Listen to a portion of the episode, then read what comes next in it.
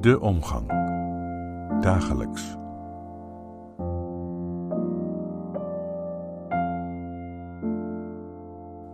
Nu laat gij, Heer, uw dienstknecht gaan in vrede, want mijn ogen hebben het heil gezien. Verzucht de oude Simeon op het tempelplein in Jeruzalem, wanneer hij het kindje Jezus voorzichtig in zijn geaderde en vermagerde handen houdt en een beetje optilt naar de hemel. Een dierbaar beeld, oude man, op sterven na dood, die nu gerust kan sterven. De oude mannen voor hem uiteraard niet, maar hij wel. En wij nu ook. Het evangelie als goede boodschap om gerust en gesust de kuiten te strekken en de ogen dicht te doen. Ik vind het toch gek. Deze woorden klinken namelijk ook aan het einde van een kerkdienst.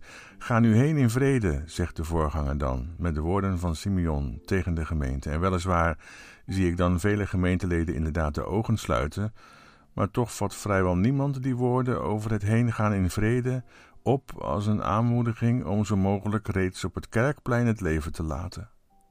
Wat is hier aan de hand?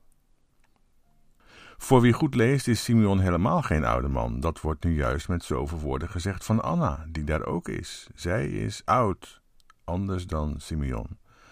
Verder staat er dat Simeon vroom en tzaddik is.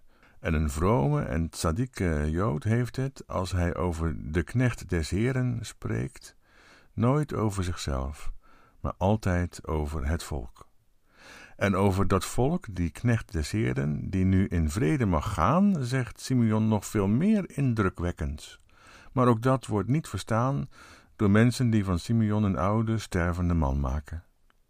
Voor dat volk is dit kind geen reden om te sterven, en is de komst van Messias geen stervensbegeleiding, maar juist een weg om te leren leven. Dit kind zal de volkerenwereld, de niet-Joodse wereld dus, bevrijden van hun verblinding, zegt Simeon, van hun zonder God en zonder hoop in de wereld zijn. Het zal een openbaring voor de volkeren zijn. En ten tweede, dit kind, zo zegt Simeon, zal Israël bevrijden van alle smaad die het geleden heeft en leidt.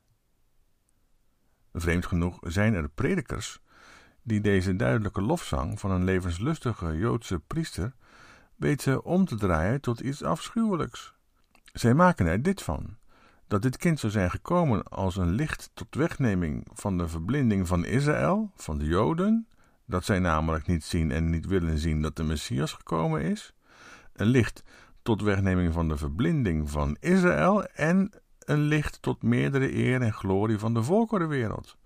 En daarbij denkt men dan aan de kerk, die in de plaats van Israël zegt te zijn gekomen.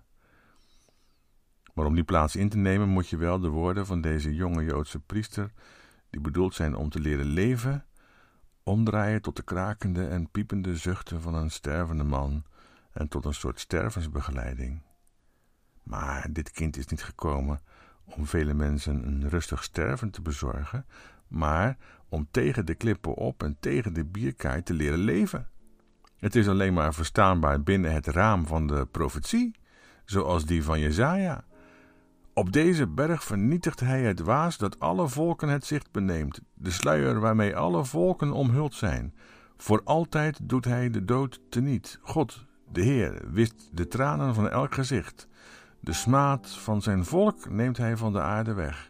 De Heer heeft gesproken. Zo klinken de woorden van Jesaja 25, vers 7 en 8. En zo is het heil in de wereld gekomen, langs een bepaalde weg Allereerst voor en met de Jood en daarmee ook voor en met de Griek. Shalom wens ik u dan ook en een levenslustig 2021. Bedankt voor het luisteren en heb het goed.